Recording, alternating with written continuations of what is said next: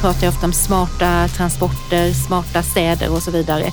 Och där ligger vi ju väldigt väl positionerade i Sverige. Men det är ju viktigt att se till att vi fortsatt är innovativa. Det ska vara attraktivt att bo, leva, starta, växa företag i Sverige. Kina är världens största varuexportör. Men 40 procent av Kinas export kommer från utländska företag som har verksamhet i Kina. Men nu börjar det hända saker i tillverkningsindustrin.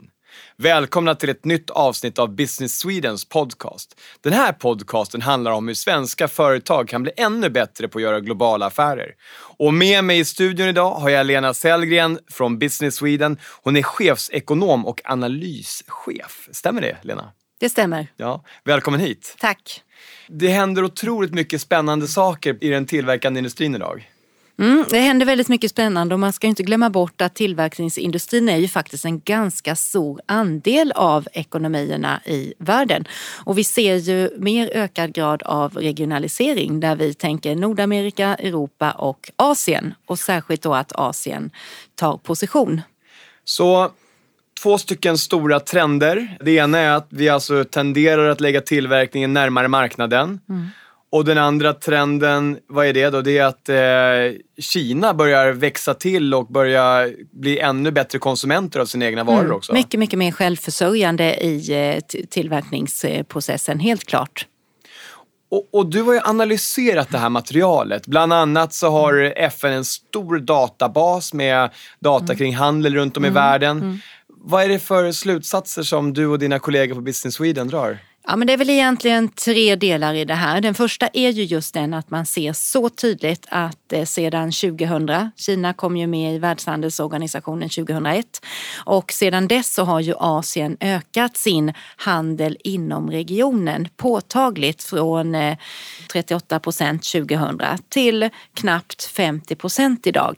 Och innebär det här att för svenska företag som vill etablera sig och sälja mer på den asiatiska marknaden så kanske man bör ha närvaro där också med tillverkning? Eller, eller vad är era Ja, det, det, det, gör det ju verkligen och vi kan ju titta också i de andra delarna vad har hänt samtidigt här i världen som att vi ser att eh, Kina kommer upp i värdekedjan och har mycket, mycket mer av sina egna insatsvaror och säljer mer i regionen så ser vi ju att även i eh, Nordamerika, inte minst USA, att det går mer och mer tillbaka att man faktiskt eh, sourcar till eh, eh eller förser marknaden väldigt mycket mer regionalt. Så där har vi ju en 60 procent eh, av handeln som sker inom regionen. Så vi ser här även i Europa så har vi ju sedan ganska lång tid tillbaka haft en väldigt stor handel inom Europa. Och tittar man då på vad som händer och går tillbaka. Var, var, varför är detta aktuellt att titta på nu? Jo, men det är att vi kommer från ett läge där vi har eh, haft under eh, 90-talet och framåt väldigt mycket av produktion som har lagts ut eh, till lågkostnadsländer. Vi vet att Löneandelen utgör en allt mindre del. Man automatiserar, det är eh, färre eh, personer som jobbar inom eh, industrin idag och helt enkelt en, en lägre del. Lönerna ökar ju också när ett lands välstånd ökar. Just det, så att eh, den växande medelklassen i Kina kommer ju dels öka köpkraften men också öka mm. priset för eh, arbetskraften när man ska tillverka ja, saker. Ja. Och det gör ju att du inte får samma värde av att, eh, att lägga ut naturligtvis din eh, produktion. Sverige har ju alltid varit väldigt framgångsrika inom, tillverkning, inom automatisering av tillverkningsindustrin mm. också. Kommer det påverka att vi får mer tillverkningsindustri kvar i Sverige nu när lönekostnaden är en allt mindre del av tillverkningskostnaden. Ja, jag tror att man ser det med också den här nya möjliggörande tekniker där vi har, alltså att automatiseringen, där ligger vi ju väldigt, väldigt långt fram inom industrin. Det gör man generellt sett, men i, särskilt när det gäller Sveriges svenska företag. Men då har vi ju eh, Eh, robotics, AI, eh, uppkopplade samhället, eh, connectivity, alltså internet of things och hela den här biten. Och även additiv tillverkning, alltså 3D-printing enklare uttryckt.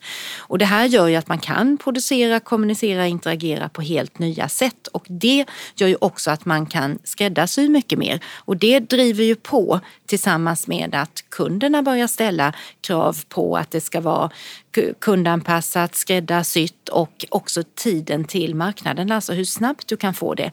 Det kommer ju tillbaka, vilket gör också att eh, vi ser den här tendensen till eh, att man förser marknaderna mer regionalt. Sen har vi ju hela hållbarhetsagendan, hela klimatutmaningen där man kan lägga till att det här ställer ju också krav på att du effektiviserar och optimerar i produktion.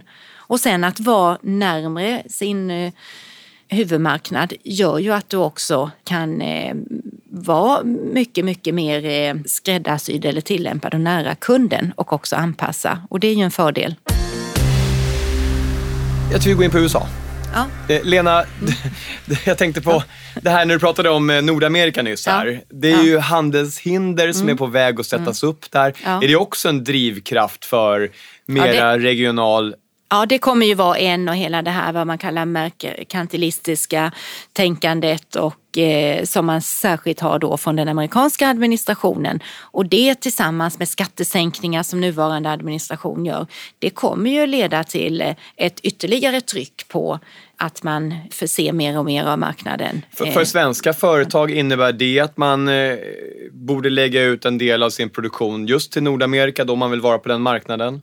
Sätta upp ett dotterbolag där? Jag skulle tänka att svenska företag, eller alla företag, men ett globalt företag har ju allt att vinna på att faktiskt vara närvarande i samtliga regioner om man är ett eh, globalt företag helt enkelt. Så det är klart att är det den amerikanska marknaden så kan du lägga ut men det finns ju en annan sida av det också. Det är ju att det har ju vissa risker med att anpassa till marknaden, kostnader, svårare att dra sig ur om någonting skulle hända eller gå snett. Så det kan ju vara att du ska använda andra säljkanaler men du ska på ett eller annat sätt ha ett fotavtryck på marknaden och vara närvarande där. Behöver inte betyda att du har din egna tillverkning nödvändigtvis.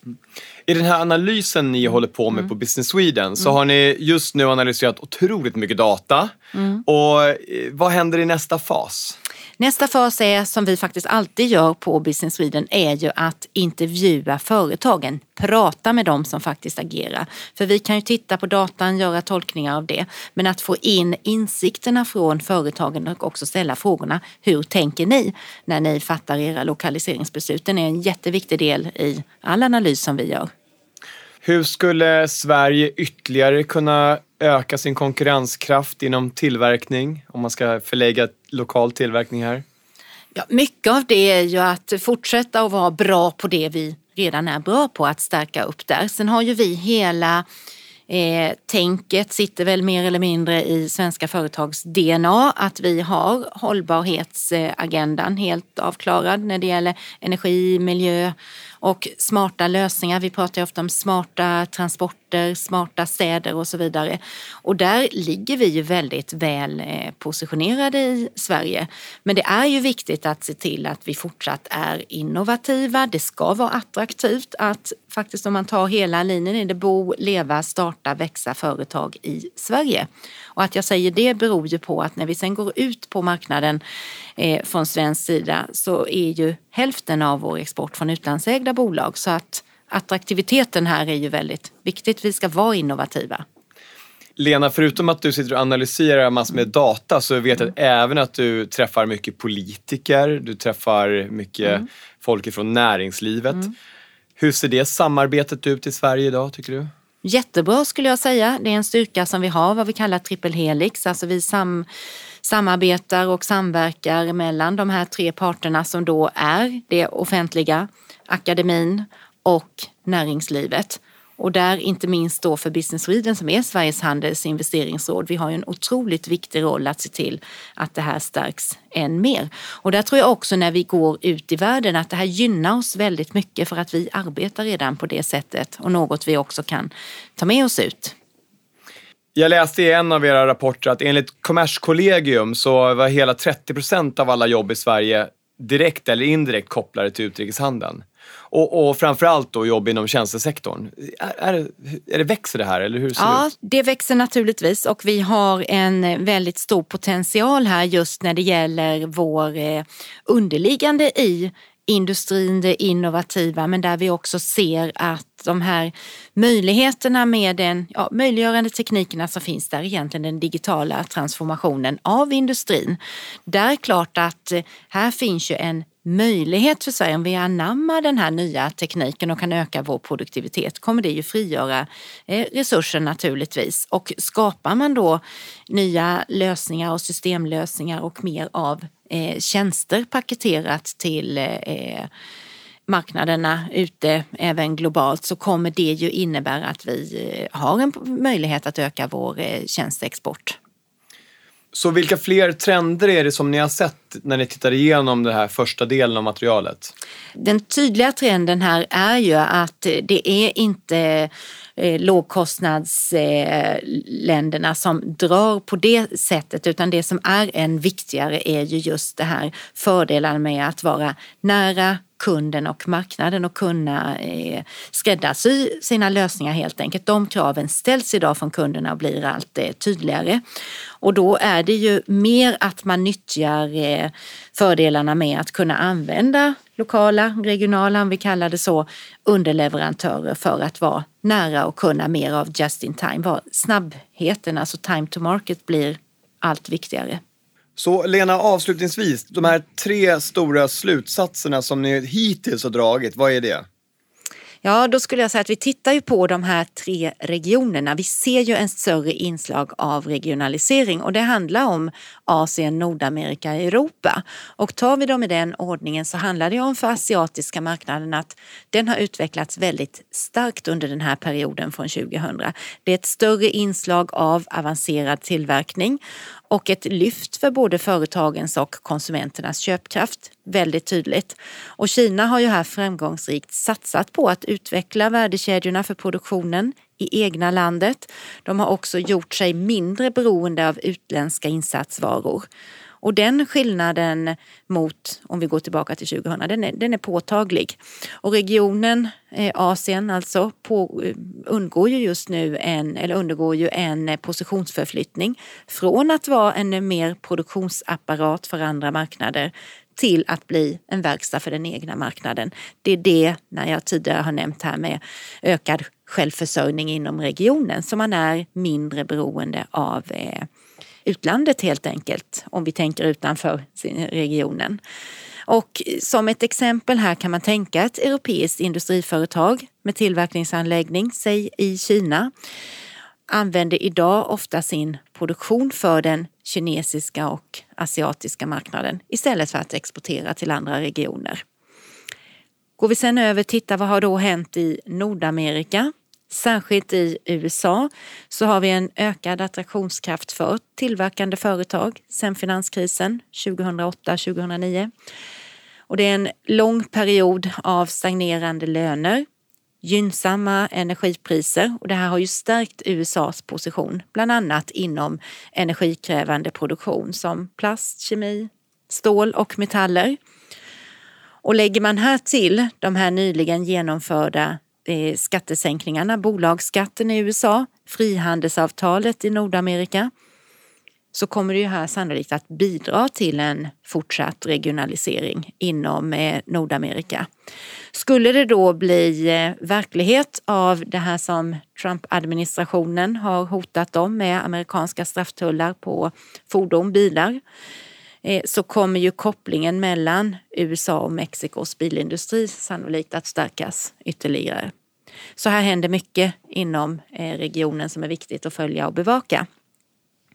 Sen har vi då den sista regionen, vår hemmamarknad säger vi väl ofta när det gäller Sverige och svenska företag. Vi har ju den största delen av vår handel trots allt med Europa av förklarliga skäl. Och Europas utgångspunkt här är ju att man har ju redan en väldigt hög grad av regionalisering, eh, många små marknader. Vi har också haft fördelen att kunna nyttja inte minst då central och östeuropeiska länderna som har varit mer av lågkostnadsländer och det har ju gynnat eh, Europa. Så vi har inte haft, jämfört med Nordamerika och USA, samma utflyttning av tillverkning till varken då Asien eller eh, Kina.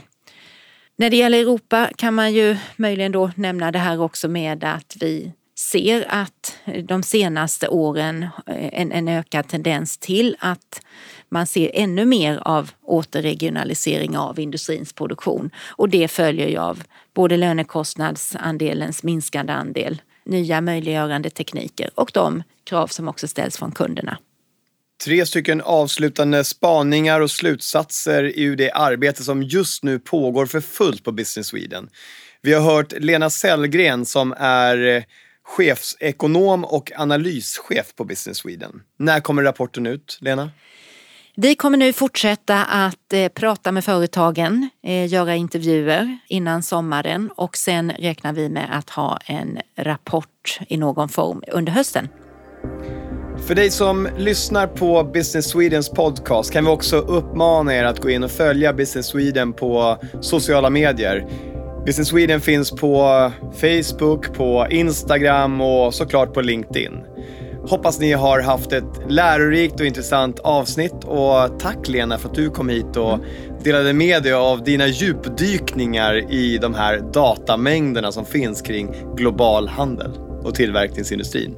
Tack.